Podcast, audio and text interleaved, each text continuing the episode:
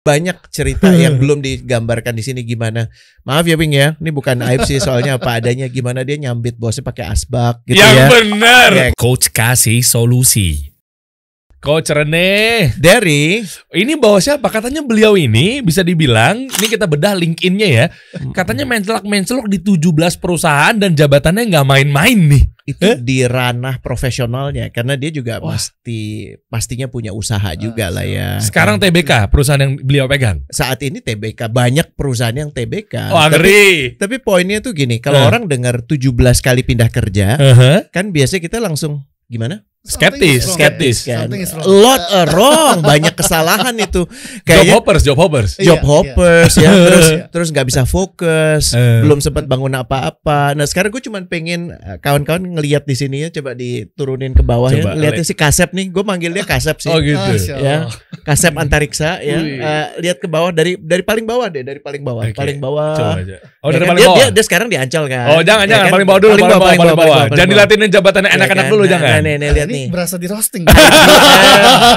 ya kan IBM naik terus NEC naik Oke. lagi ya kan Eh, expert naik lagi Oh langsung konsultan. SAP naik lagi Oh Ericsson pernah mas. PwC naik lagi IBM lagi naik lagi terus Wow, wow, Nokia wow. Siemens Network ya kan Uh, uh, Astro VP VP. Aksi- dia VP termuda by the Iya, way di saat di. Telkomsel itu Yang Di mana nih? Yang mana nih? yang paling Oh, atas Bentar, ini Astronya Astro Malaysia kan?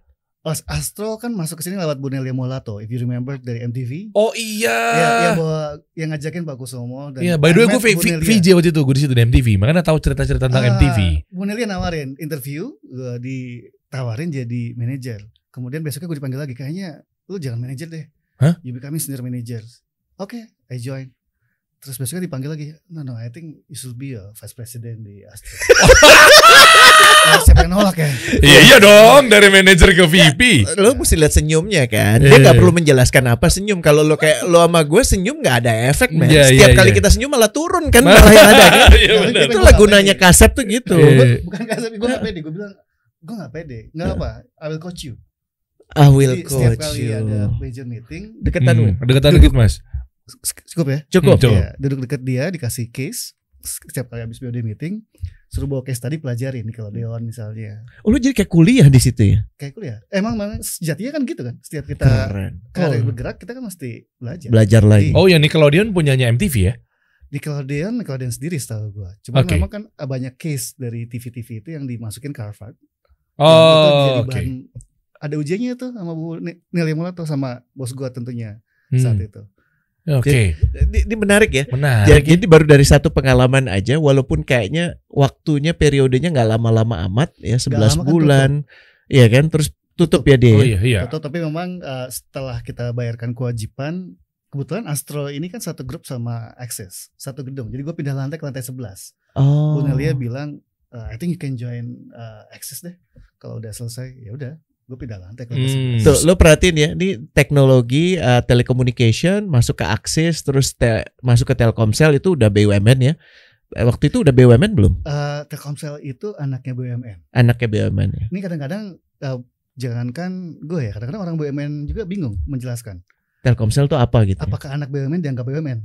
Ah. Oh. Tapi itu different discussion lah ya. Iya, Iya iya iya. iya. Dan dia jadi VP termuda di sana. Nah ini gue ketemu lagi sama Wing setelah tadinya kenal pas zaman kuliah dulu. Oke. Adalah historinya tapi nggak layak untuk dimasukin ke kasih solusi. ya, itu masukin ke kasih saya.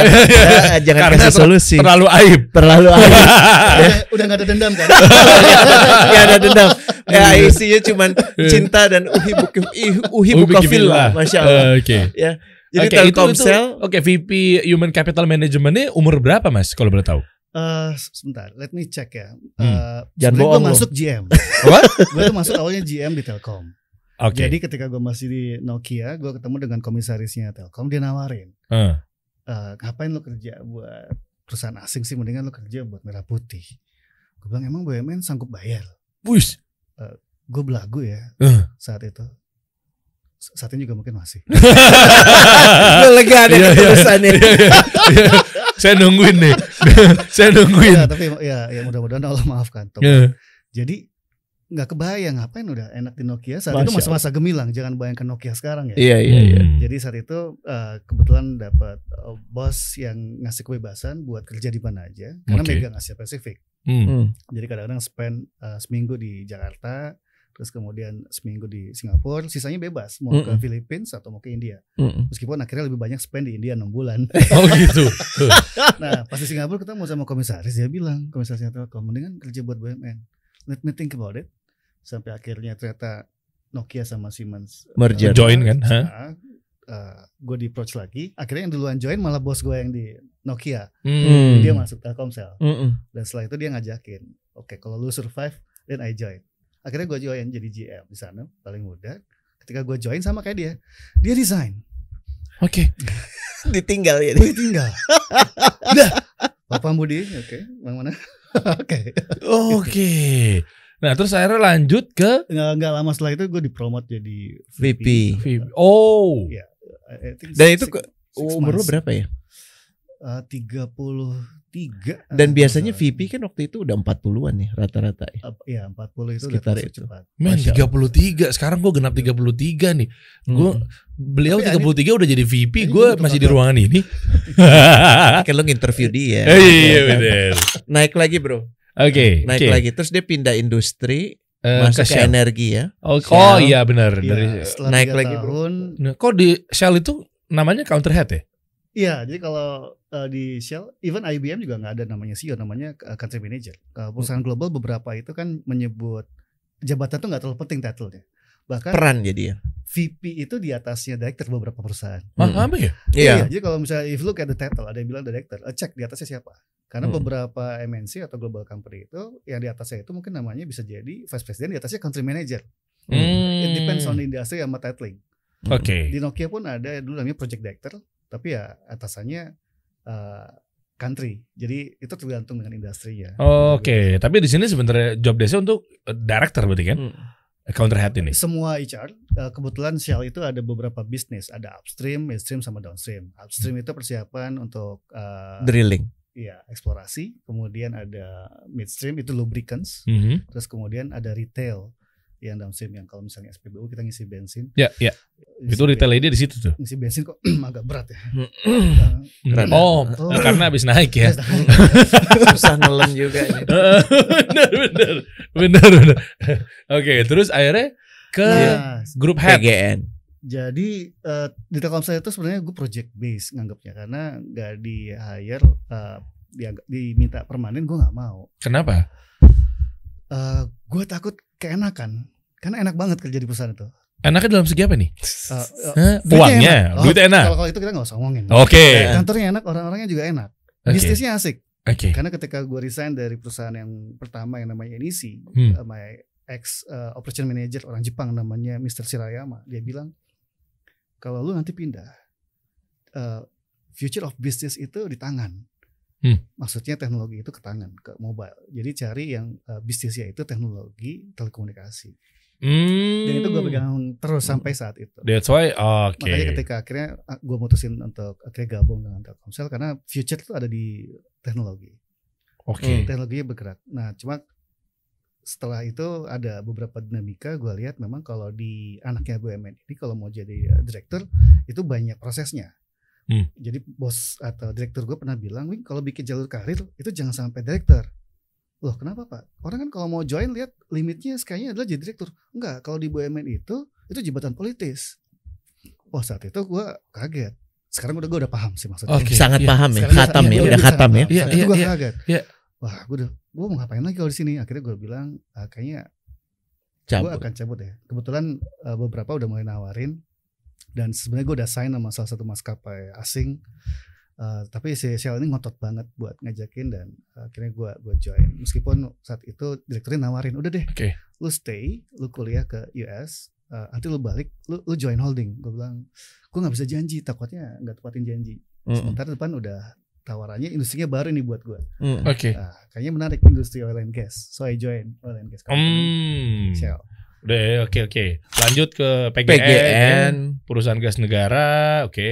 Iya. Jadi baru tiga bulan di Shell, BUMN nawarin balik.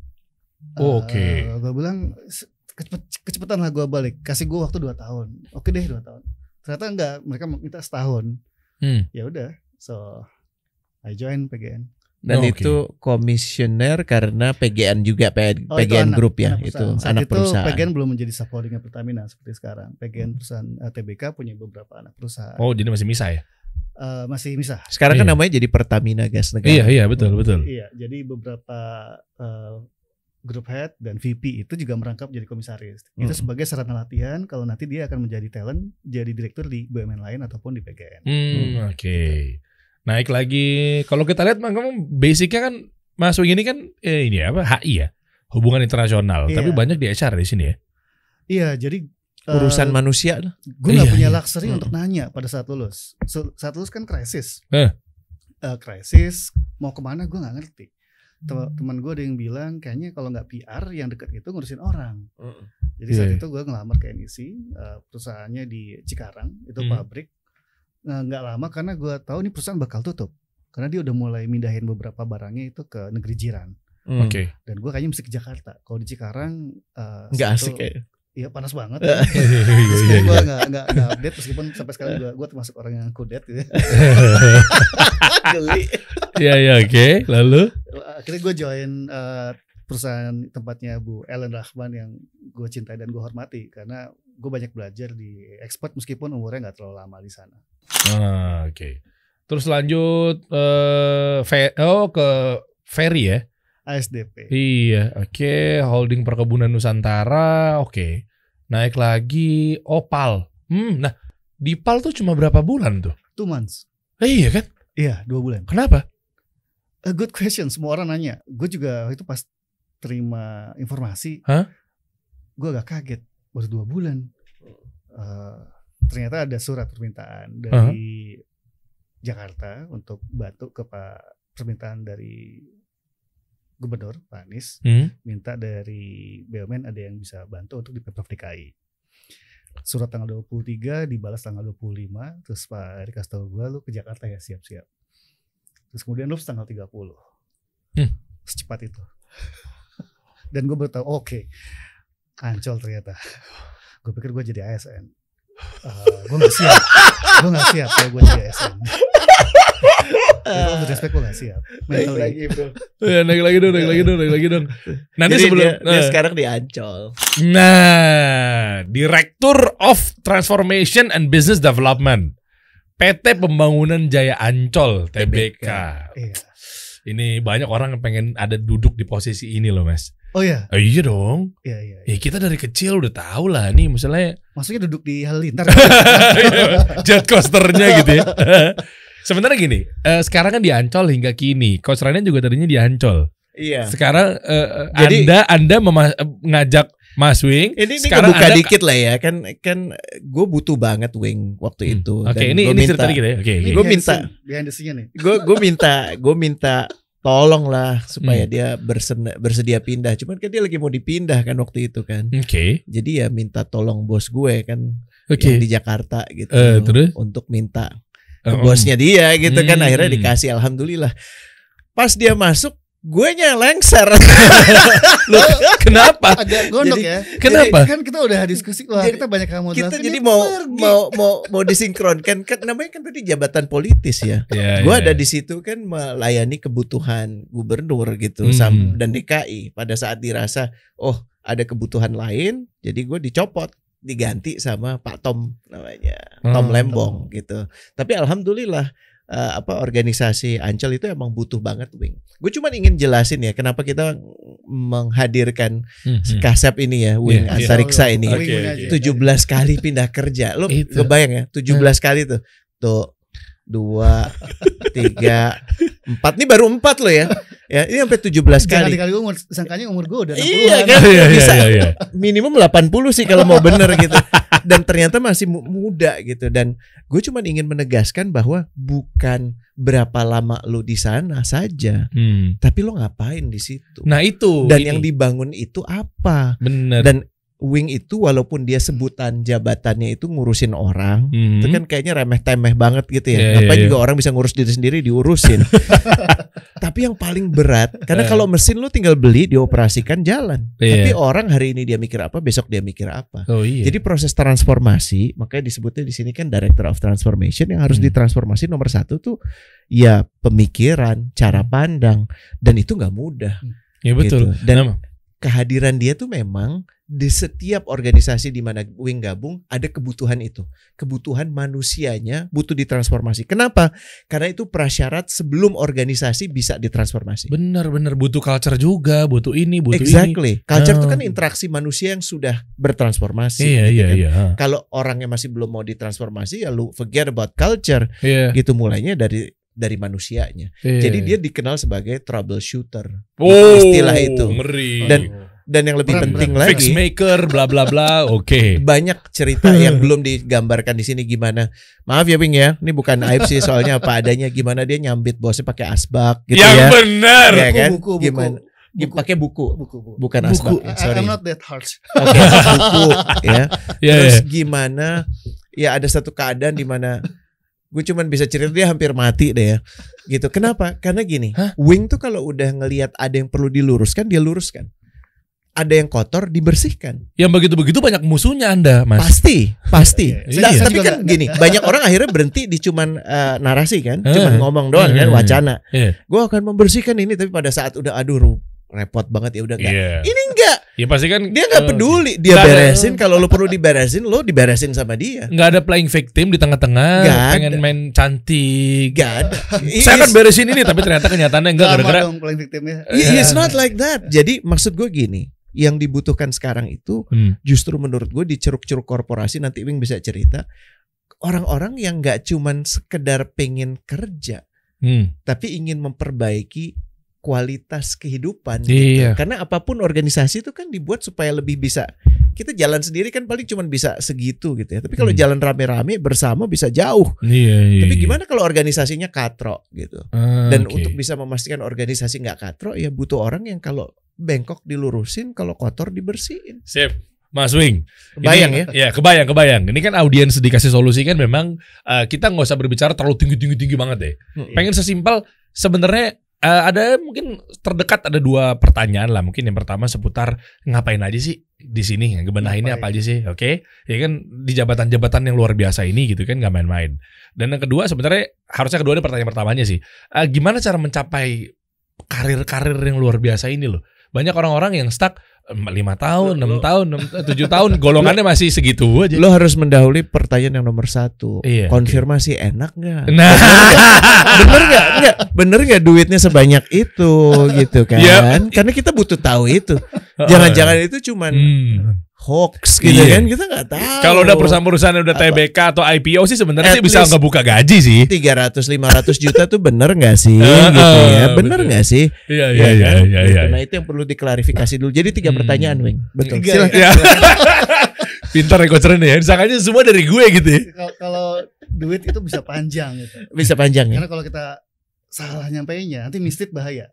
Orang Oke. ngejarnya sangkanya duitnya. Hmm, Oke oke. Tapi boleh dibuka kan? Yang mana dulu nih? Eh, yang sekarang misalnya di an- di, di Kita Ancol. mending pertanyaan yang tadi dua tadi. Iya. Itu Nanti. itu. Pokoknya gini gini gini. Ini, Eh. ini kita bikin kelas khusus. Iya, Ya. oke, oke. kita dagangin aja. Iya, gitu iya, kan. boleh, Iya kan? boleh, Kasih boleh. solusi kan? Iya dong. Kalau bisa gaji ayo. deh. Iya, ente mau solusi. Oke, Hmm. ya kita bicara gaji nanti. Iya gitu. betul. Pokoknya tungguin aja teman-teman nih yang nonton sampai akhir. Mudah-mudahan Mas Wing rela untuk membukanya.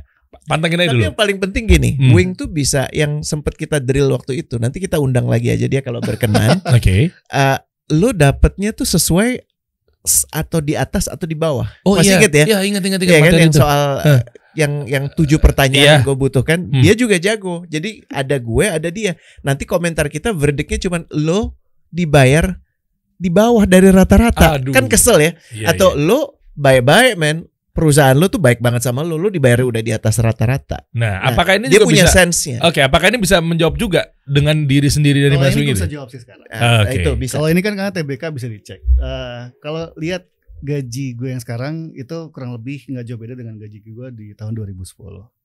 Kok Jadi mundur 12 Kok mu- tahun. Kok mundur sih? Jangan lihat makanya gue bilang Harusnya hati-hati kan malah gaji hati-hati Hah. bu- bukan berarti kalau misalnya gaji ya Di- karena naik, direktur pasti di mana-mana sama, nggak gitu. bukan bukan tapi yang dilihat eh, apa sih yang jadi tugas apa yang dititipkan Oke. dan gaji itu kan sifatnya nggak statis Iya. dan nggak selamanya kita lihat itu dari gaji tapi kalau lu digaji gede karena gue pernah ngalamin dan gue nggak sebut ya di sini Oke.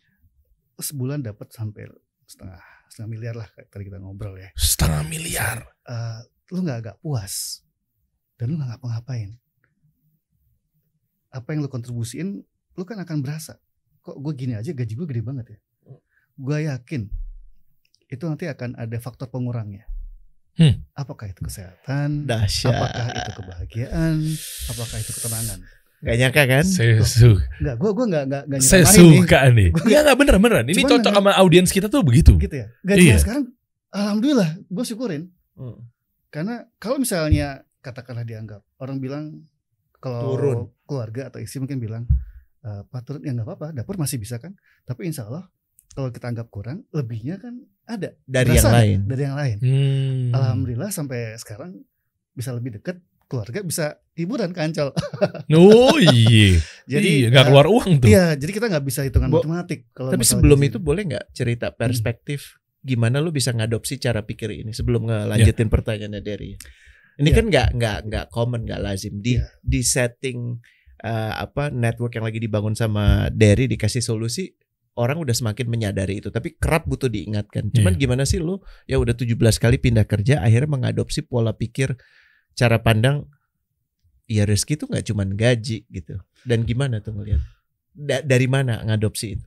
Eh,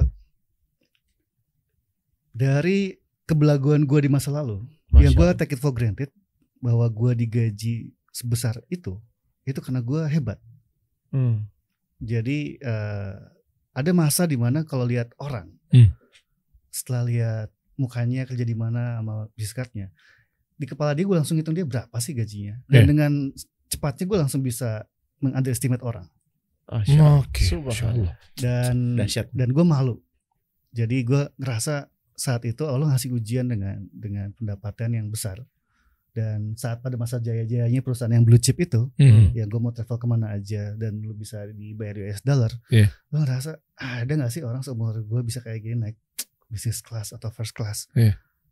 ada gue lupa syukur ada di Uh. pemikiran itu jadi ya. Jadi Dan- kayak lu ngerasa ini karena gue gitu ya. Karena gue istimewa. karena gue gitu. istimewa padahal Masya begitu perusahaannya ternyata nggak ada dan gue lagi di India nonton CNN perusahaannya itu merger gue panik karena gue take it for granted dan gue terima surat PHK Wow. jadi kalau misalnya lihat 17 ada yang bilang achievement sebenarnya di antaranya itu ada PHK Hah?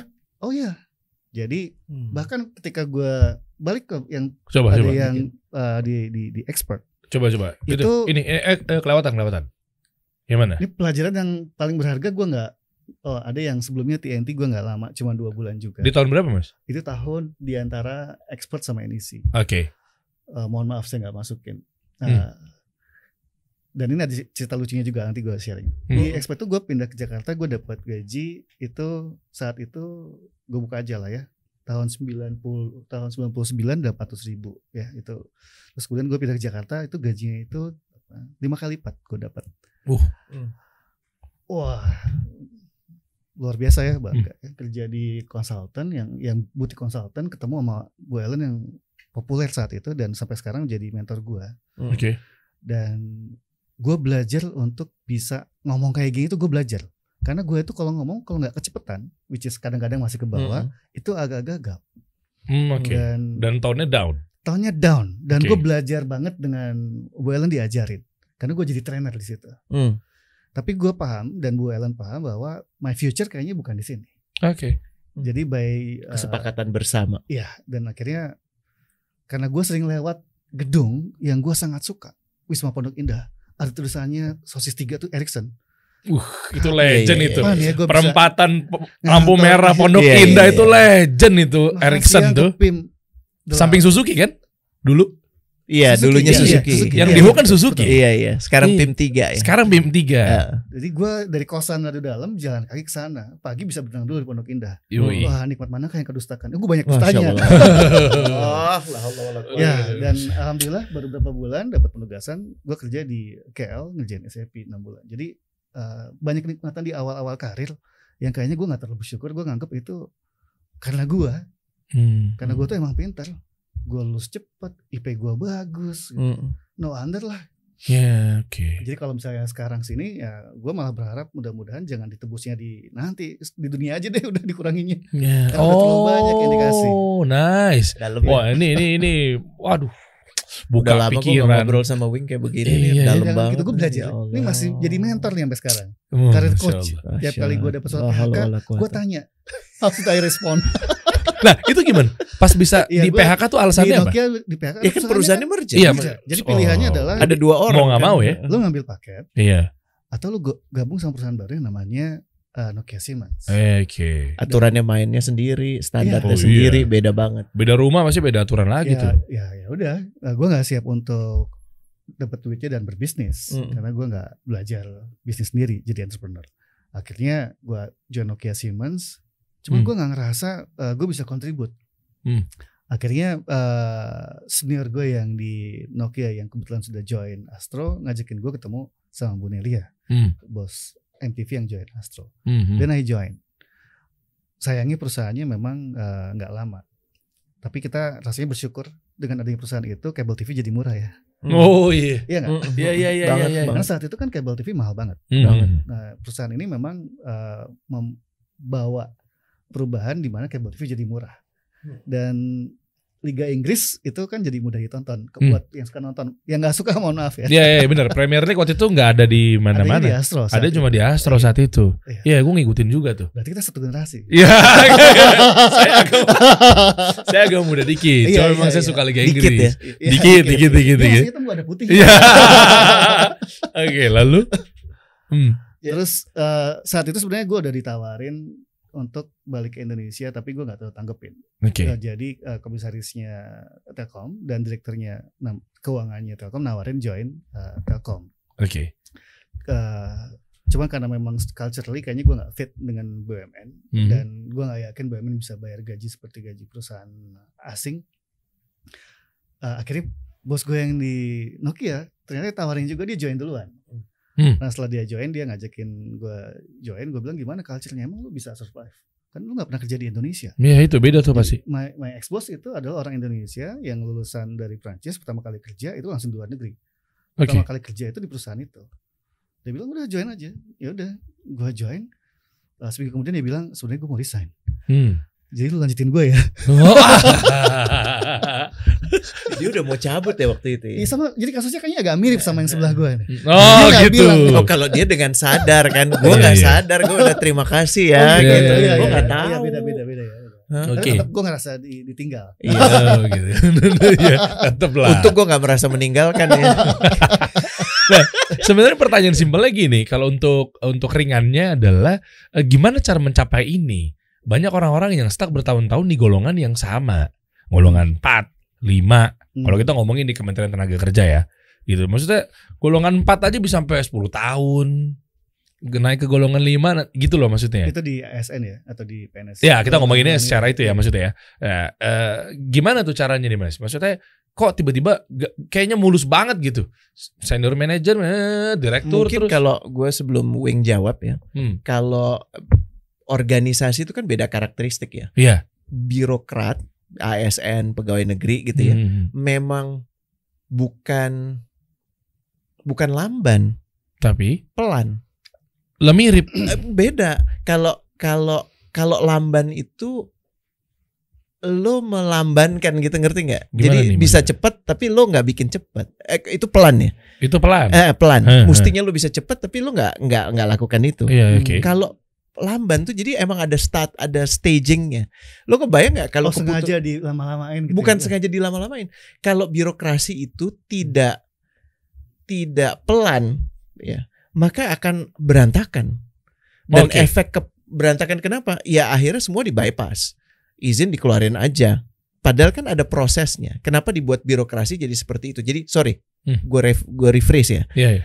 Birokrasi itu bukan lamban, tapi pelan. Kenapa? Mereka harus harus benar-benar matang dalam mengeluarkan keputusannya. Efeknya kalau lu memilih ada di organisasi seperti itu, Mhm. proses lu untuk bisa mendapatkan posisi yang lebih tinggi lebih lama. Oke, apakah memang ini udah sudah terdaftar di ISO misalnya? Perusahaan-perusahaan yang memang eh, SOP-nya seperti ini, standard operation-nya apa segala macam gitu Nggak, loh. kalau- Apa memang di create tidak berdasarkan default I- settingnya ISO? ISO kan memang proses kerja, Iya, iya kan? oke. Kalau ini kan bagaimana organisasi memilih wujudnya, bentuknya. Mhm. Contoh kayak misalnya organisasi B, kenapa BUMN walaupun dimiliki oleh negara kok beda banget sama ASN? Oh, Perhatiin nggak? Ka- karena yang satu ini menjalankan roda birokrasi Mm-mm. yang memang harus runut, harus begitu, harus ada technocratic approach-nya. Karena Hmm, kalau hmm. enggak, ya ya lo nggak kerja bener. Iya, iya berantakan. Sementara kalau di BUMN itu kan dia harus bersaing dengan eh, dengan eh, di industri yang tidak hanya diisi oleh mereka, walaupun mungkin sebagian juga hanya diisi oleh mereka gitu ya. Tapi artinya ada kebutuhan lo untuk jadi lebih cepat. Peluang-peluang itu yang munculnya di sana. Plus tadi Wing udah sampaikan. Hmm. Direksi itu kalau di BUMN bukan di perusahaan swasta ya. Iya. Di BUMN, BUMD itu posisi politis. Oke, mungkin bisa dijelasin lebih detail deh. Kalau untuk politis itu yang dimaksud tuh kayak gimana? Bukan bukan dilihat semata Mhm. Ini bahasanya semoga tepat ya. Bukan Iya. dilihat semata dari kemampuan lo. Tapi apakah lo dikenal dan mengenal oleh yang memberi amanah? Oh, Ada yang mau ditambahin nggak? Bener nggak? Eh, gue English kan supaya agak netral. Boleh. oke. Managing stakeholder is very important kalau Nah. di, di, di state owned atau government link company. Ya, ya, ya. Dari- Stakeholders itu kan nggak cuman shareholders lo ya, Mhm. tapi ada pihak-pihak lain. Contoh kayak diilustrasikan Ancol deh. Stakeholdersnya siapa Uh, aja? stakeholdersnya ada pemprov sendiri, kemudian ada salah satu grup yang besar Jaya. Oh, jadi kalau RUPS tuh kumpul semua tuh. Oh iya harus. Udah pasti dong. Harus. harus. Oke. Apalagi Kan TBK. Ya, oke. Nah, Kalau kita ngomongin non TBK juga sama aja. Jadi uh, siapa stakeholdernya, siapa yang punya kepentingan itu sangat penting Oke. dan itu mesti didengar. Dan kalau bahasanya coach Rene tadi, kenapa uh, pelan? Karena yang dikelola itu adalah uang atau kekayaan negara yang harus dipertanggungjawabkan dan setiap decisionnya itu kapan pun meskipun sudah tidak menjabat itu bisa menjadi bisa subjek hukum. ya?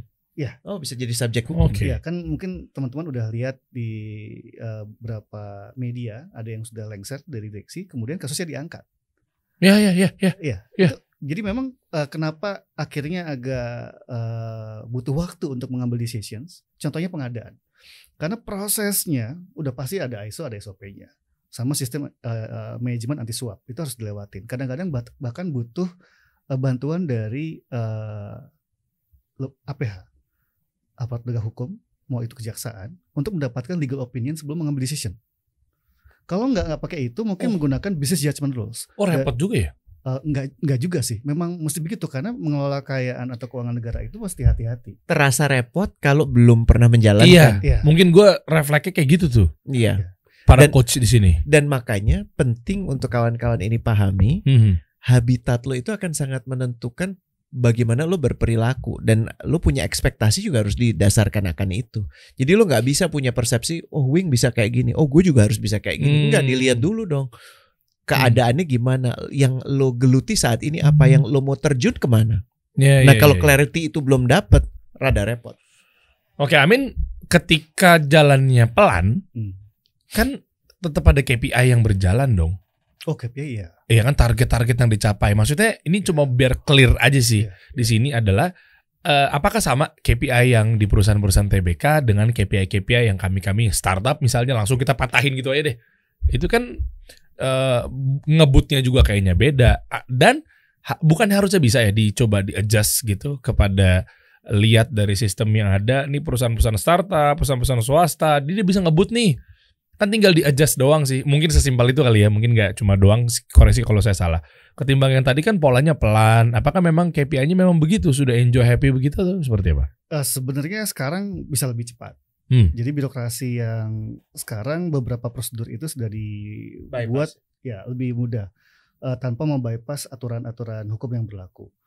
Kalau kita lihat misalnya beberapa perusahaan yang di bawahnya holding, Hmm. eh, mungkin teman-teman yang masih di BUMN bisa lebih kompeten ngomong ini. Tapi kalau di Bu- BUMD kita lihat, kalaupun mau eh, cepat, kadang-kadang mesti siap dengan panggilan, Hmm. kapan pun juga dari lembaga legislatif, Oh Untuk iya kesan. mempertanyakan Ya, ya, alasan pengambilan keputusannya. ya, ya, ya, ya, ya. Ah, eh, siap atau enggak? Nah sekarang sebelum ngomong tadi kan ngomongnya duit ya. Nah kalau mau di posisi itu, anda siap nggak dealing dengan kondisi dan situasi seperti itu? Karena Dan itu kapan pun riuh ya Wing ya? eh riuh karena memang lembaga legislatif itu kan punya konstituen yang mereka Beda-beda mesti, mesti ya? jelaskan. Jadi kalau misalnya katakanlah di BUMD ini ngambil keputusan kita mau melakukan ini ada akhirnya dampaknya yang terkena adalah eh, satu komunitas. Komunitas itu mungkin eh, mengadu ke dewan dan dewan punya hak untuk memanggil eh, pemprov ataupun pemerintah pusat, kementerian dan tentunya kementerian akan manggil direksi BUMN ataupun BUMD-nya untuk bantu menjelaskan Hmm. dan begitu itu panggilan itu kan panggilan rakyat Iya. semua agenda ya harus ditinggalkan itu yang utama Oh, Oke, gitu oke, wah ini menarik. banget. Ja- Bagus Jadi narasinya bagus banget, masya Allah. di di negara-negara yang sudah lebih matang, Ya. eh, baik itu tiga sektor antara biro public sector, Hah. private sector, sama NGO itu 11-12 nggak terlalu jomplang. Makanya nggak heran melihat orang biasanya mungkin di NGO terus dia pindah ke eh, apa ke private sector, dari Hmm. private sector pindah ke public sector. Eh, ASN-nya pemerintah Singapura itu salah satu yang paling dibayar tinggi. Jadi mereka sangat compete dengan orang yang kerja di bank. Hmm. Bahkan bisa lebih tinggi ya. Hmm. Ya, dan ini yang sedang Indonesia sedang menuju ke arah sana menurut gua bahwa tiga sektor ini nanti talent bisa berkiprah di mana aja kan nggak masuk akal. Kalau tadi yang sudah Wing bilang kan, gue di MNC di multinational company dibayar X, tapi gue harus kerja di Hmm. ASN yang bayarnya seper 10 X. Hmm. Hmm. Gimana? Nggak ada nggak maksudnya gini, mau cinta banget sama negara ini, tapi keluarga kan punya tuntutan berbeda Hmm, gitu ya. oh, Nah jelas. itu yang yang baiknya sih supaya orang-orang terbaik itu berkiprah di bidang-bidang yang dibutuhkan Hmm. gitu dan ini mestinya juga terbuka buat entrepreneur dan di mana pun itu selama memang mesti paham habitatnya. Hmm. Nah, PR-nya adalah memahami habitat itu. Yang tadi itu managing stakeholder tuh. Lo akan berhubungan dengan siapa aja sih? Ya. Dan apakah kira-kira lo punya energi buat itu gitu kan? Iya, Nah, itu yang dibutuhkan sih, yang dipahami gitu. Oke. Terus untuk ngapainnya ngapain aja nih? Mas. Hah, bener Kalau ya? kampanye ini gue lanjutin ya Eh, karena bagus yang Eh. disampaikan uh, perbandingan di luar sama di Indonesia jadi mau di BUMN, BUMD ataupun birokrasi Indonesia kita butuh lebih banyak talent Oke. yang mau berkiprah. Jangan anti. Kan gue udah bayar pajak. Udahlah gue nggak usah. Nggak kita butuh. Bukan berarti orang yang di dalam itu nggak nggak baik nggak benar nggak. Nggak ya. Tapi kalau misalnya kita bawa kebaharuan terus lebih fresh. Sekarang kan ada yang kayak istilahnya milenial. Di- banyak yang jadi direksi. Itu kan bawa kebaharuan Iya. dan itu dibutuhkan. Oke. jadi eh, yang perlu disiapkan adalah eh, mentally sama maturity ketika menghadapi yang bahasa yang gue istilahkan apa ya dilemma resolutions. Karena menjadi pejabat apakah itu direktur atau di bawahnya yang punya kuasa anggaran dan pengambil keputusan pasti akan dihadapkan dengan yang namanya dilemma resolution. Mana nih yang mesti duluan gue majukan Oke. kepentingannya kepentingan siapa yang mesti gue dahulukan dan dan itu nggak mudah dan itu bisa diperkarakan balancing act banget ya. betul act banget. Jadi eh, kalau nggak nggak siap memang perlu dipandu. Makanya eh, butuh gue beruntung untuk eh, karir gue punya coach Rene. Masya Allah. untuk dunia eh, di sektor BUMN gue juga punya mentor yang bantu gue Hmm. jadi ketika gue ditawarkan jadi direktur gue juga nanya. Gue sebut aja Pak Rinaldi Firmansyah Mm. Tuh, Pak Hasto sama Pak Prinoto Widodo gue bilang kayaknya gue kemudaan deh. Em, belum 40 gue jadi direktur karena kalau jadi direktur di BUMN itu harus pensiun dan jadi direktur di BUMN itu bisa kapan aja diberhentikan Oh. Ya, Nah, ya, nah, ya. Jadi perencanaan keuangan lo harus ngikutin, Iya, iya, lifestyle iya, kamu iya. keluarga lo mesti paham. Berarti sebenarnya enak gak sih kerja untuk di kayak ada ASN, campur tangan pemerintah. nah itu mesti baca bukunya Coach Rene tergantung di hidup lu itu Judulnya Your Job is Not Your Iya. ya, Career. itu is not your career. itu buku viral luar biasa tuh. mau mau megang amanah yang mana lu mau ngapain jadi kalau misalnya udah udah jelas apa Hmm. dan memang namanya pencarian itu kan nggak akan mungkin ada yang udah ketemu, ada yang mungkin baru ketemu di usia 50-an. Ya tetap harus dicari. Hmm. Kalau itu match dengan apa yang lo kerjain, it's beautiful. Hmm. Dan nggak ngerasa kayak beban, biasa aja. Oke. Tapi kalau misalnya nggak ketemu ya konflik batin. Ini kan BUMN juga lagi mencari talent-talent baru gitu ya. Eh, pengen juga sih tadi eh, apa mengulang panggilannya Wing. Eh, memang di sini kan lebih banyak content creator atau eh, entrepreneur Muslim atau bahasa gue remah-remah momogi Muslim gitu ya, yang Hmm, lagi Oke. gue mau apa nih gitu ya. Gue pengen Iya. lu denger uh, pesan dari Wing ini bahwa memang sektor itu sangat dibutuhkan lu lu pada sekarang. Yes. Tapi nggak masuk cuman buat ngejar duit. Oke. Ya, da- Oke. semakin cepat lu selesai urusan duit, semakin cepat lu bisa berkiprah menurut gue. Cuman dari yang udah ngalamin sendiri, Wing mungkin bisa cerita seberapa dibutuhkannya sih gitu Wing. Karena gue justru khawatir sektor itu semakin ditinggal karena orang lebih seneng yang lain dan akhirnya apa yang akan terjadi? Ya kan? Orang-orang sisa aja yang ada di situ Mm-mm. atau orang-orang yang punya aspirasi yang tidak untuk membaharukan tapi hanya untuk mempertahankan status quo dan itu sangat-sangat berbahaya buat kita. Iya dong. Plain begitu mulu ntar perusahaan. Lo masih inget yang sorry gua cut yang Hmm. kemarin ada eh, Pak Iyal kan? Mbak Yal. Iya kan? Aha. Kemarin eh, yang yang soal su, so- so- Eh, surya solar Eh, kan? Iya, oke. Gue baru dapat dari WWF Hmm. ya eh, apa World Wide Fund itu ya. Iya. Dia cerita bagaimana mereka mengomentari bagi pemerintah keputusan kita pemerintah Indonesia PLN untuk membatasi energi dari zona surya itu cuman boleh 10 sampai 12 persen. Lo alasannya? I- Iya gitu. Oh. oke. Ya mungkin nanti kita ngobrol di luar Iya ya. kan? tapi, tapi maksud gue i- ini kan menarik gitu ya dan Iya. eh, keputusan-keputusan yang harusnya bisa diambil lebih bijak jadi ma- kok gitu ya kita bukankah artinya lebih baik kalau kita lebih banyak mengangkat renewable? Iya kan? Iya, iya. iya. Oh rupanya ada yang belum balik modal gitu kan ada pemikiran Hmm. lain misalnya. Nah mungkin Wik bisa ilustrasikan gitu struggle di dalam dan butuh orang-orang yang mau mempertahankan idealismenya untuk masuk ke sini. Duit akan ngikutin lo kok percaya deh. Ini jadi disenet sama eh gue punya momen di mana saat itu ada diundang teman-teman yang muda-muda yang belum jadi direktur di BUMN itu ada event. Eh, event itu gue nggak tahu masih ada atau enggak karena gue udah nggak di BUMN. Jadi yang muda-muda ini namanya duta duti. Itu ada kontesnya. Oke. Terus ada yang menarik satu nanya, Pak gimana supaya saya cepat bisa jadi direktur? Nah, ini pertanyaan kan? audiens gua nih. Gimana caranya sampai saya balik? Kenapa pengen cepat-cepat? Hmm. Ya kan enak pak. Mobil mewah. Hmm. Standarnya kan 2.500 ke atas. Iya, Mau oke. 3.000 juga boleh. Iya dong. Brandnya gue gak perlu sebut ya, Oke. karena nggak ada kan di sini yang endorse. Iya, iya, iya. Terus kemudian ada protokoler. Terus dapat tunjangan perumahan. Oke. Tukang kebun aja disediain, Buh. gitu kan.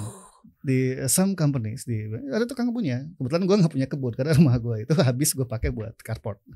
Oh, ketika bayang dong berarti mobilnya berapa? 18. Wow. Setiapnya dikoleksi satu. Oh, oh Setiap jadi pindah kerja tambah satu. Oh gitu. jadi Jadi ini ini bercanda ya, ini bercanda ya. jadi mobil tergantung LinkedIn-nya ya. enggak juga. enggak jadi gue tahu pak ini tukang kebunnya gimana? Gue gak ada gak ada halaman. Rumah Hmm. gue habis gue papas. Jadi di some BUMN itu memang eh, ada fasilitas seperti itu. Sekarang gue nggak bisa komen apakah masih ada atau enggak Hmm. tapi pada masa gue ada. Di BUMD juga ada mungkin yang seperti itu. Kalau bicara pemprov DKI gue nggak bisa mewakili semua. Tapi kalau lihat eh, untuk yang di Ancol memang nggak terlalu ada protokoler tapi kembali ke pertanyaan anak itu, ketika gue tanya balik, yang dia kejar adalah yang dia lihat kasat mata. Hmm. Kalau saya datang, satpam bukain pintu. Kalau saya naik lift, tas dibawain. Kalau misalnya itu itu aja yang lu kejar, gue bisa pinjemin. Rasain ya. Iya, kalau itu itu yang yang lu kejar, gue bisa pinjemin. Oke. Tapi tanggung jawab sama kerjaannya, tahu gak apa kerjaannya? Ya habisnya teman saya pak bisa cepat naik. Oke, kalau gitu belajar sama temen lo. Kenapa dia bisa cepat naik? Soalnya dia yang selalu bawain tas bosnya pak. Oh salah jawaban gue. Cocok. Bukan itu, bukan itu. Jadi akhirnya gue, gue, gue mesti dalam, dalam bro, dalam. Hmm. Ternyata salah, gue salah. Jadi jawabannya oke. pada masa itu. Anda saya suka sarkas Anda. Tapi ya emang ya Wing ya. Karena yang kasat mata kan selalu mudah jadi referensi, mudah kelihatan. Eh, Lo gajinya berapa? Oh 5 juta. Sekarang gue di sini dapat 25 juta. Tuh kan kelihatan ya, nyata Iya gitu. ya. nampak iya. Cuman pembelajaran yang kemudian dia udah punya beberapa yang putih-putih itu kan sebagai Hmm. salah satu bentuk Eh, ya. gue lupa ini. Jangan dong, jangan. Jangan Ini akan bersinar Bukan, nanti. bukan ditapkan, dibikin apa? Kalau kue dari Bandung itu warnanya sama dengan kue dari Bandung. Apa? Kue favorit Ah. di Bandung. Um, Rumah rambut Molen. nenek ya. Ah, Molen. brownies. Brownies. Ah, warna brownies kan nggak apa-apa. Oh, warna oh, brownies. coklat, coklat, coklat. Iya betul, bisa tuh. Ini kayak kuis jadinya. Iya benar. Agak brownies. Iya benar. Gue baru baca Ust- Ustadz Umar Sulaiman soalnya Hmm. semua yang putih-putih itu nanti pada Oh saat iya, di, ini betul. akan bersaksi dan dia akan jadi sumber Masya cahaya. Hmm, betul. Aduh, anyway, jadi Hmm. distracted. Merinding. Tapi distractnya merinding. Iya iya iya. Tapi kan bukankah baiknya kita juga melihat yang nggak kasat mata gitu. Dan Hmm. emang butuh effort. Effortnya adalah dengan menyimak ya dari obrolan ini lo tahu bahwa salah satu problem yang harus dihadapi oleh Wing yaitu tadi banyak orang yang nggak suka sama dia. Kenapa? Karena dia mau bersih bersih. ya kan yang Hmm. nggak perlu-perlu dan segala macam atau ketemu dengan parlemen ya ketemu dengan DPR dengan segala macam konstituen yang beda-beda Iya. Ya. dan jangan ngelihat cuman yang kasat mata dan mudah sih PR-nya itu. Hmm. gitu. Karena di balik itu menurut gua keberkahannya ada di sana. Kalau lu ngejalanin ini bagus menurut gue BUMN yang bagus BUMD yang bagus itu itu dinantikan banget kok. Kita kita butuh banget itu. Bukan cuman yang sering masuk koran atau TV dapat apresiasi tapi secara Oh, ada nyata bermanfaat. Itu bisa bayar. Iya benar benar benar. Iya, benar. Eh, enggak tahu ya, tapi tadi gue Iya, menganggarkan itu. Iya. tapi maksud gue gini Iya, kan saya orang media itu. kok saya tahu. bukan itu bener gak sih Iya iya iya iya. iya kan Iya iya. esensinya gini adanya perusahaan lo Hmm. sama nggak ada perusahaan lo beda gak sih? Misalnya misalnya maaf ya Wing, Ancol tutup deh besok udah nggak ada lagi Ancol efek gak sih? Iya kan? Iya. Dan ini yang waktu itu waktu gue masih di Ancol dan gue butuh banget Wing itu gue khawatirkan karena semakin nggak jelas, semakin nggak ada bedanya adanya Ancol atau nggak adanya Ancol. Hmm. Kalau dulu zaman gue kecil, Ancol tuh top of mind man, Oh iya dong. bener dan Heeh. dan kita butuh untuk reinvent itu dong, kenya Hmm. fair fairan aja. Makanya butuh pembaruan. Eh, be- bedanya adanya perusahaan lo sama nggak adanya perusahaan lo ada gak sih? Hmm. Adanya kasih solusi sama nggak adanya kasih solusi beda gak sih? Menurut gue buat yang nyimak beda banget, kerasa Hmm. banget, Hmm. malah dinanti. Nah ini yang butuh dipahami oleh kawan-kawan yang sekarang lagi nyimak gitu. Iya iya. Organisasi-organisasi Indonesia butuh orang-orang yang mau melihat itu. Oke. Ya. Oke. Nah terus jawaban yang tepat untuk si anak itu apa tuh, Mas? Ini saya, saya, saya masih penasaran nih. Gimana caranya cepat berkarir sampai ke tahap yang eh, VP dan seterusnya gitu. Untuk anak itu sayangnya gue bilang gue gak punya jawaban yang tepat. Nah, Oke untuk saya kalau gitu saya tunggu jawabannya. Hah? karena gue tanya, lu kerja di mana? Dia sebutin saya kerja sini. Gue bilang, gue gak punya jawaban yang tepat, tapi gue bisa bicara sama atasan. Bahwa ada aspirasi. Karena gue tahu as- atasan lu juga orang yang pengen perusahaannya berubah dan pengen maju. Hmm. Kalau yang lu lihat itu menjadi dasar, gue perlu diskus. Dan gue diskus sama atasannya. Kebetulan atasannya satu frekuensi. Oke.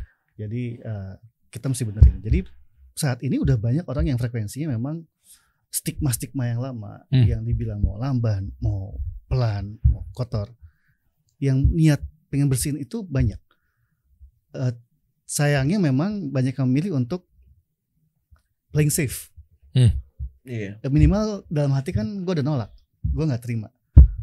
Tapi Ya kan itu lu bisa, keimanan yang paling rendah. lu bisa bisa bisa anjurin yang lain juga untuk nggak nerima kan? Hmm, hmm. Lu bisa bisa declare lu Oke. bisa ngomong, Hmm. lu bisa cegah. Tapi bahayanya ketika tiba-tiba kita masuk rumah sakit. Itu konsekuensi. Ketika kita itu declare kan. Kan, gini, gimana tuh? Seperti Mas gue merasakan hal yang seperti yang saya sebutkan kan? mata lu penuh ini penuh kesan gitu ya. Eh, kerap kita menyangka sesuatu tuh baik padahal kagak gitu kan. Iya iya iya. Kerap kita menyangka sesuatu itu buruk Iya. padahal sebaliknya gitu. Itu yang menurut gue perlu dipegang sih. Kalau ada anak itu di depan gue, gue Hmm. akan bilang coba eh, kunjungi kembali kemauan lo. Hmm. Jangan-jangan karena lu mau sesuatu karena dasar lu pikir tuh enak baik. Hmm. Padahal belum dikasih karena itu yang pencipta sang pencipta ingin menyelamatkan lu. Ya, bisa, Lu ya, belum betul. siap bener nggak? Betul betul. Iya nggak? Hmm. dan dan kalau kita pegang itu menurut gue kita akan lebih sibuk mempersiapkan diri bukan berambisi Hmm. gitu karena lebih enak tuh bersiap bersiap tuh kalau lo diminta untuk maju lo siap Hmm, Gitu. oke. ketimbang lo punya aspirasi tapi pas lo maju lo kaget Ya. gitu. menyebelin ke semua orang kan Iya. Betul. Nah, ini menarik ya kita bahas lagi mengenai organisasi. Eh, awam nih, awam. Hmm. Nih gue awam nih eh, pertanyaan nih, mewakili teman-teman yang lain. Em, itu tuh jenjang karirnya tuh ada tes kah untuk naik gitu? Ada. Atau nunggu ada yang cabut dulu baru kita dapat promosi? Atau memang diselip-selipin atau gimana sih? Hah? Kok maksudnya orang-orang tuh berkarir? iya iya polos sih Iya benar dong, sih bener gak? nyambung sih Mm-mm. Kan itu kan pasti pertanyaan awam-awam yang memang gue coba mewakili lah biar di sini ada kontradiktif dikit lah. Iya, Gitu. gue mesti bilang ada karena gue Ada termasuk ya? yang bangun sistemnya. Oke. Ah, karena gue dapat SK Menteri pada saat itu Bu Rini Rini. Hmm.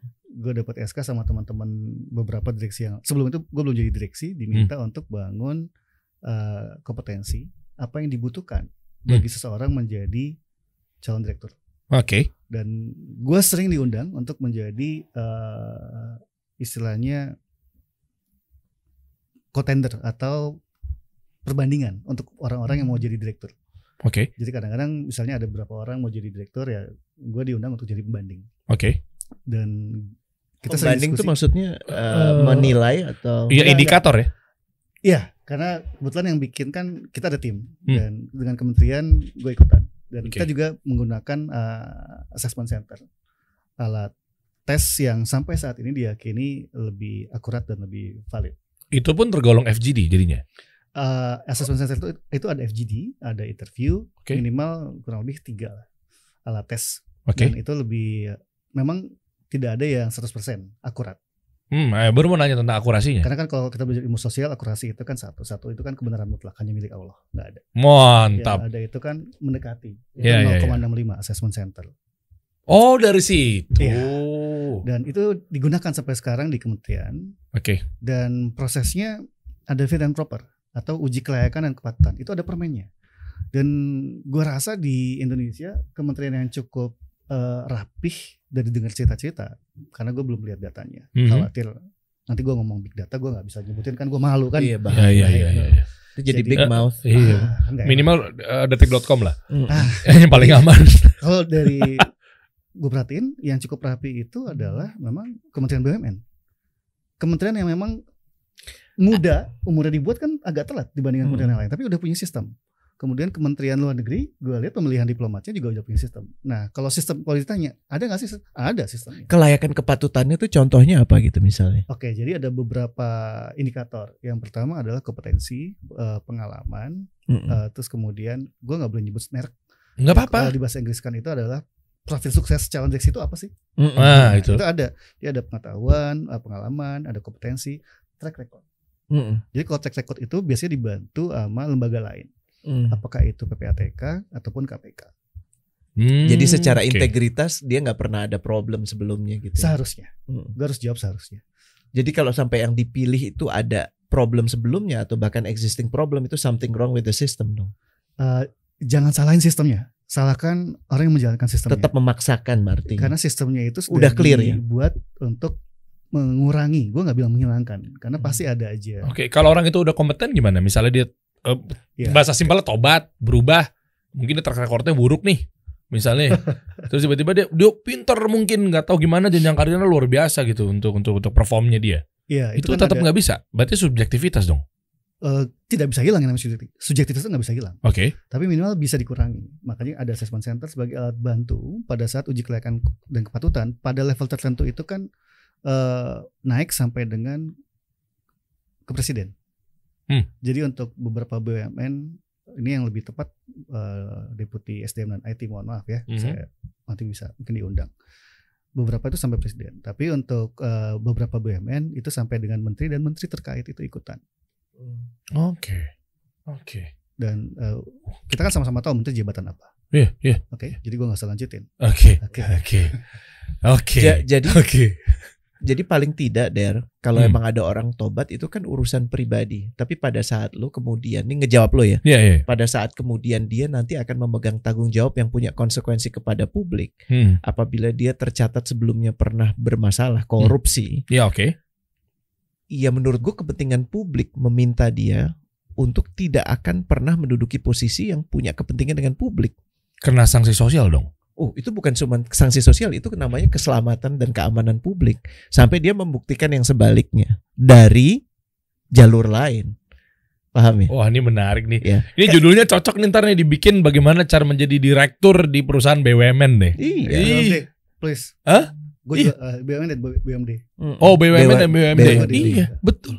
Iya. Jadi yang yang eh, itu untuk perlindungan publik menurut gua bahwa kenapa kepatutan itu sepakat banget. Kalau Hmm. lu punya perkara sebelumnya ya memang sekarang lu nggak berperkara, tapi dengan lu punya perkara sebelumnya itu udah ada indikator nggak baik. Ya, ya Jangan oke. dipaksakan. Oke. Kalau lo mau perusahaan private aja. Kan yang konsekuensi yang akan terima lo dan investor-investor lo. Ya kenapa dia percaya sama lo nggak melakukan itu Hmm. gitu ya. Eh, cuma kan kalau sekarang kan mengenai angel investor, venture capital, apa pun itu ya, itu kan pasti kan tetap dicek tuh track recordnya. Oh tergantung dari angel investornya, tergantung Oh, iya dari sih. private equity-nya kan Iya masing-masing sih. punya sarana kepatutan sendiri. Tapi ini BUMN kan duitnya yang masuk ke sana juga bisa dipastikan sebagian kalau bukan semuanya dari uang negara, uang negara yang dibayarkan dari pajak-pajak kita. Iya iya dong, namanya Gitu. juga BUMN. Makanya trustnya harus dijaga gitu. Hmm. Gitu sih. Sehingga memang dalam bagian uh, lates itu ada yang namanya integritas. Dan itu berat ya. Paling maksudnya paling krusial menurut gua dan Iya. paling susah untuk dijaga. Ya karena integritas itu kalau kita ibaratkan lapangan bola, Hmm. sebutlah JIS. Oke. Gue di Jakarta. Buat Oke. yang belum tahu JIS teman-teman di luar Jakarta. Eh, ada di Jakarta- Petogogan ya. oh, masukin di Petogogan rumahnya. Iya. Enggak, gue Ciganjur. Oh, Ciganjur. Jadi itu tiket buat masuk stadion. Kalau lu nggak punya integriti, lu nggak punya tiketnya buat masuk ke stadion. Jangan kan nonton, jadi pemain pun lu nggak punya tiketnya. Jadi itu syarat. Dan siapa yang bisa jawab itu? Ya diri lu. Hmm. Eh, apakah akhirnya lu memaksakan untuk maju lu dengan semua topengnya dan di kemudian hari akhirnya lu berujung di eh, rompi oranye Waduh. atau ya jangan sampai bilang dan ini juga gue berdoa untuk diri gue sendiri jangan Hmm, sampai gue juga terprosok jadi kalau nggak punya ya, ya jangan Hmm. karena itu emang prasyarat sebelum lu punya kompetensi lu punya keahlian kalau emang nggak bisa ya jangan Hmm. Nggak bisa dalam arti apa nih? Memang dia punya track record yang buruk. Eh, less able to be developed karena Oke. integritas itu kan udah melekat dengan diri lu kalau emang lu udah kebiasaan untuk eh, apa ya eh, cacat moral Culas nggak punya gitu. panduan moral atau gue nyebutnya moral kompas Eh, lu nganggap apa yang lo lakukan itu Benar. ngutip itu adalah hal yang biasa karena gue udah kerja lembur wajar dong gue ngutip dari gerbang Hmm. dan lu nggak tahu itu salah itu kan berarti udah melekat Sulit di develop karena udah terbebani oleh pola pikir yang yang yang fix, yang kaku gitu. Hmm. Nah, makanya ini juga PR buat teman-teman untuk melihat perkara integritas ini bukan urusan eh, apa prosedural, tapi urusan yang sangat pribadi pertanggungjawaban lo Iya. kepadanya, pada Iya. Allah. Gitu. Iya, Itu sih. Oke, nice. Berarti sekarang belum kejawab nih. Berapa gaji Mas Wing sekarang nih? Menjadi ini ini meng- menginspirasi dan memotivasi teman-teman. Coba lihat Sekarang- ikutan ah, boleh disebutin satu persatu 17 17 juga boleh. Di sini berapa? Anda begitu menjabat di sini berapa? Se- Gitu. sebut bandwidth aja, men. Gak usah gampang jawabannya Kan TBK udah ketahuan dong sebetulnya. Iya betul. Iya. Dan teman-teman bisa tahu kekayaan gue, tinggal akses webnya LHKPN. Nah, gini aja deh. Coba masuk ke tadi tuh kan E LHKPN biar lebih cepat. Tadi eh, Mas Wing udah ngirimin juga nih linknya. Coba buka dong. Biar langsung aja, langsung di downloadnya aja. Coba buka. Ah itu. Nah, ini dia nih. Tetap ya. Kelihatan semua. Ngeri, ngeri, Turun, ngeri. turun, bro. Iya, Dua ini, ribu. ini Iya, data data publik siapa aja bisa bisa cek siapa pun yang jadi pejabat publik. Ah, Oh, bisa ya? udah, Iya, Keren banget. KPK udah terbuka dan Oke, dan eh, dipegang KPK terlepas dari ya terlepas dari hidup pikuknya tapi saya apresiasi semua orang bisa ketahuan kok. Oke, nih tahan dulu sini, tahan dulu sini. Atas atas sedikit. Saya mau baca. Tahun 2020 pengumuman laporan harta kekayaan penyelenggara negara. BUMN atau BUMD turun lagi. Oke. Ini tahun 2020 ya. Berarti waktu itu lembaganya PT Perkebunan Nusantara 3 Persero Holding Perkebunan. Mm-mm. Yang tadi ada tuh sempat kita lihat di link ini Ada. ya kan? Eh, unit kerja wakil pimpinan, sub unit kerja direktur, nama Wing Antariksa. Jabatan direktur sumber daya manusia. Oke, bawa lagi. Nih, data harta. Guys, ini sesuai dengan judul kita di episode ini adalah ini memotivasi buat teman-teman semua. Ayo, masa sih nggak mau jadi direktur? Cara-caranya udah kita eh, sama-sama ketahui juga ya. Alhamdulillah. Syukurillah 2020. Allah Akbar. 2020 ya Anda curang, Mas. Anda Ya, bukan data 2022. jangan Saya Aduh. hati-hati jangan sampai tiap Tanya. tahun nanti naiknya 11 m gitu. Oh. Atau minimal 4 m lah. Iya. Tanya KPK kalau mau data SPT. SPT tahunan. iya dong. Curang dikasih 2020. Loh, jangan saya KPK bisa bisa. Oh cek, iya iya iya. Oke, coba lihat ya. Enggak apa-apa, kita cek dari KPKD. Tanah dan bangunan, tanah bangunan seluas terima- 150. Masa sih segitu luasnya? Benar, Masa segitu. yang dilaporin? Oke, tanah dan bangunan 150 meter persegi. lengkap ya sebenarnya ya. Eh, Jakarta Lengkap, Selatan. lengkap. Jadi eh, kalau misalnya memang ini kewajiban di BUMN dan BUMD wajib untuk submit LKPN yang saat ini mungkin belum terupdate itu 2020. Oke. Ini kayaknya lebih dari roasting ya. Enggak, enggak, enggak kan dikit-dikit. Eh, Enggak pajak grilling. udah udah submit, jadi kantor pajak jangan khawatir. saya Iya, submit betul. Yang update 2022. Yoi, 1,7 miliar Mm-mm. alat transportasi. Tapi yang menarik yang di bawah, Iya. yang kas dan Oh stok sorry, kalau tanah bangunan memang eh, kebetulan, nah buat teman-teman mungkin ini tips and trick juga. Saat itu saya nggak mau gabung BUMN atau Telkomsel, tapi dia ngasih di depan uang signing atau namanya eh, new joining incentive Mm-mm. supaya gue mau gabung. Dan uangnya itu langsung gue beliin rumah. Hmm. Oke. Dan itu boleh ya, langsung diputar ke mana gitu boleh ya? Eh, karena udah masuk rekening dan gue jadinya nggak bisa nolak kan dia udah udah masuk Oh rekening gua. iya iya Hmm. benar Iya. benar. Oke, mobil Toyota Fortuner masa cuma satu, Mas? Itu ada satu lagi Tahun harta 2020. bergerak lainnya itu di Mana bawah. sih? Oh iya. Cuma 400 nggak dispesifikasi. Oke, bawa lagi, bawa lagi kas. Lim, apa nih kas dan setara kas 5,3 miliar. Harta lain tuh apa misalnya, Wing? Eh, Perusahaan, saham. Bisa reksadana, kemudian bisa surat utang negara, obligasi. Hmm. Oh, oke. Harta lainnya subtotal 11,4 miliar. Bawa lagi, bawa lagi. Nggak ada hutang, men. Ini udah paling bawah nih. Oh, udah paling bawah. Dan Utang. riba. Wih. Jangan utang. Keren, keren. Total harta kekayaan Mas Uing Antariksa Iya. 11,4 miliar. Iya. Mas saya lagi nyari angel investor loh, Mas. Lu ketawanya mungkin kalau buat teman-teman yang lain pada ketawa. Wih, Kenapa? kecil amat. Buat ngamanin OPEX doang kok. Sih lu. Ini dong, scale, scale up coach kasih solusi masalah. Benar-benar. Eh, aduh. Tapi lebih bermanfaat tau nggak apa? Hmm, apa tuh? Waktunya dia. Oh, kita iya. culik-culik buat bantu yang lain. Makasih Pasang loh. jariah bareng-bareng. Bener, makasih Mas Uing udah nyempetin hadir di sini. Ini Jangan lama-lama disorot, udah gak disorot kan? Iya udah gak sorot. 11,4 sekian sekian miliar di tahun 2020. Eh kita nggak usah tanya 2021 2022 seperti apa.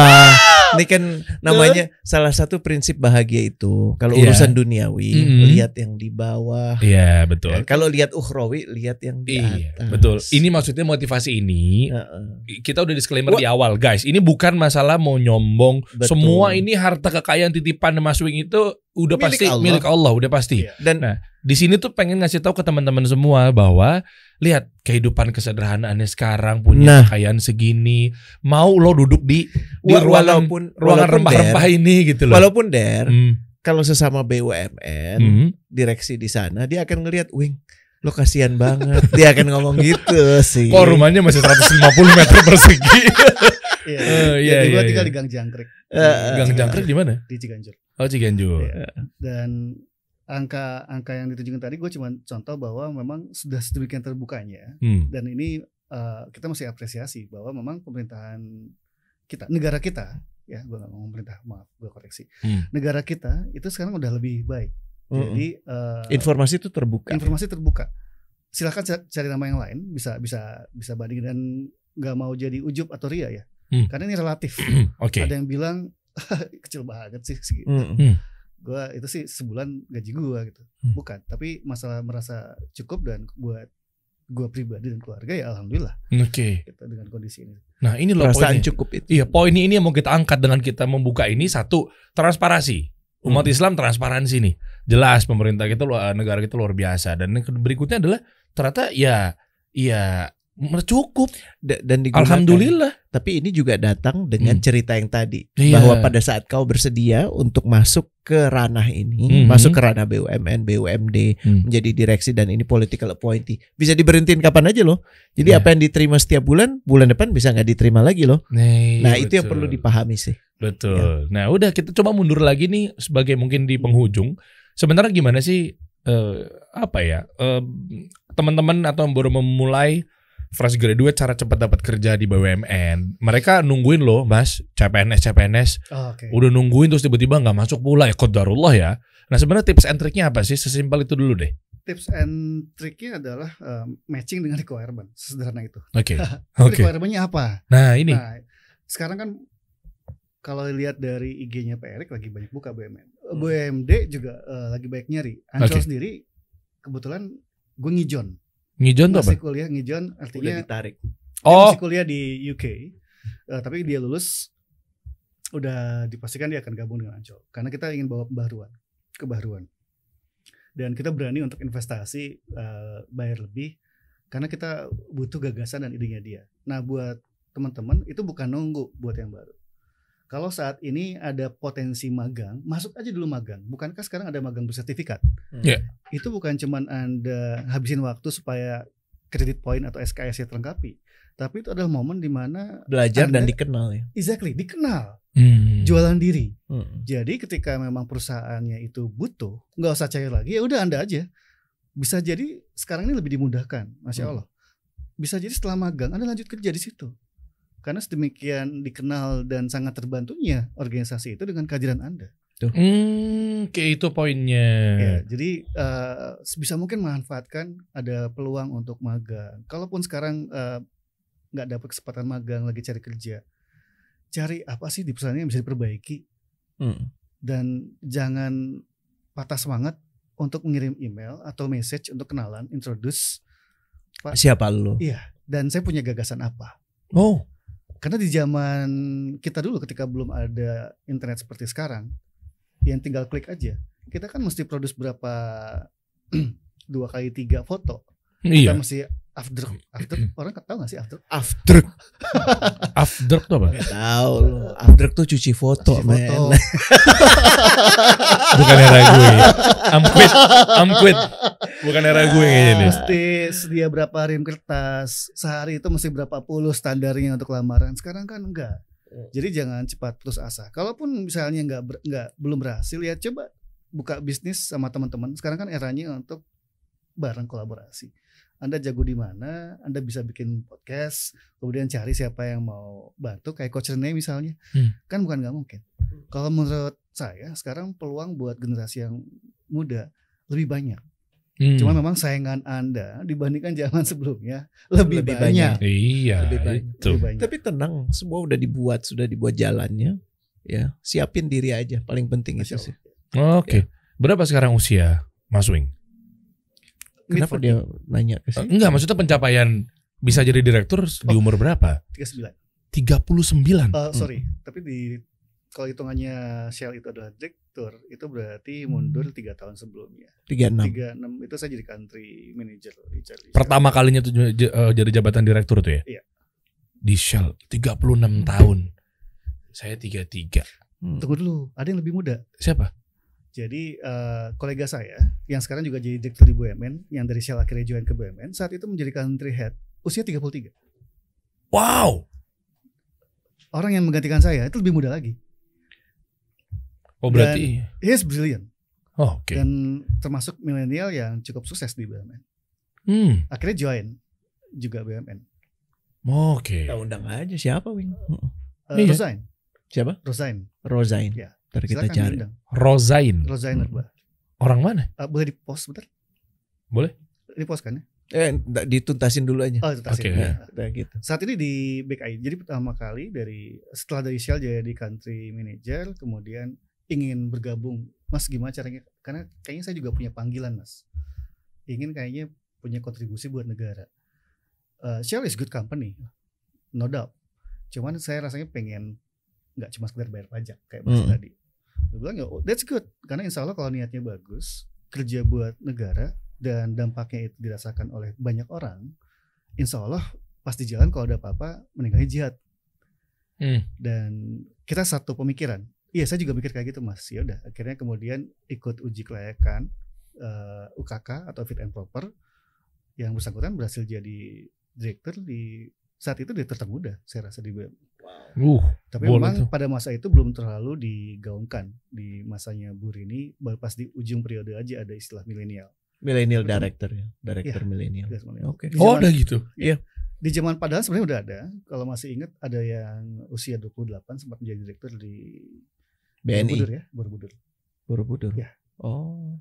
Borobudur lapangan Banteng. TWC, TWC atau ya, bukan. Bukan yang Candi. candi, peng- Oh, candi. pengelolaan candi. Oh, Oke. Jadi sebetulnya eh, kemudaan atau niat para menteri baik pada periodenya Pak Sofian Jalil, Pak Mustafa Abu Bakar, kemudian pada saatnya Pak Dahlan, sebenarnya banyak yang dibawa. Pak Dahlan bawa diaspora, Hmm. terus kemudian Bu Rini bawa kemudaan, Pak Erik makin mengukuhkan bukan cuma kemudaan tapi juga Sri Kandi.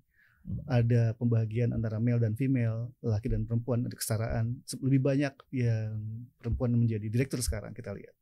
Hmm. Jadi memang udah bergerak dan mudah-mudahan makin ke sana kesempatannya akan lebih fair dan terbuka buat yang memang layak dan siap bahasanya ya dan siap kalau Hmm. bahasanya coach Remy. Oh, Bersiap oke. lah. Gitu. Kita tunggu kalau gitu kalau ada pertanyaan-pertanyaan jika memang nanti mau di follow up ya, Hah? tapi Hah? lebih spesifik, jangan cuma pengen dapat direksi, jelaskan aspirasinya supaya lebih clear nanti kita bahas kalau perlu. Dan Ah. kita undang tamu-tamu yang lain yang bisa direkomendasi oleh Wing. Nah, boleh Ya. boleh. Jadi ada dua nih teman-teman nih lagi pada nonton nih. Yang pertama kalau pengen punya pertanyaan langsung aja nih. Coba cek di deskripsi di bawah atau letakkan di komen. Atau yang kedua rekomendasi kira-kira cocok ya siapa lagi nih kira-kira yang bakal kita undang ke sini. Boleh dong rekomendasi di bawah juga ya. Ya. Thank you coach. Thank you. Mas Wig ya. Terima kasih. Terima kasih. Coach kasih solusi.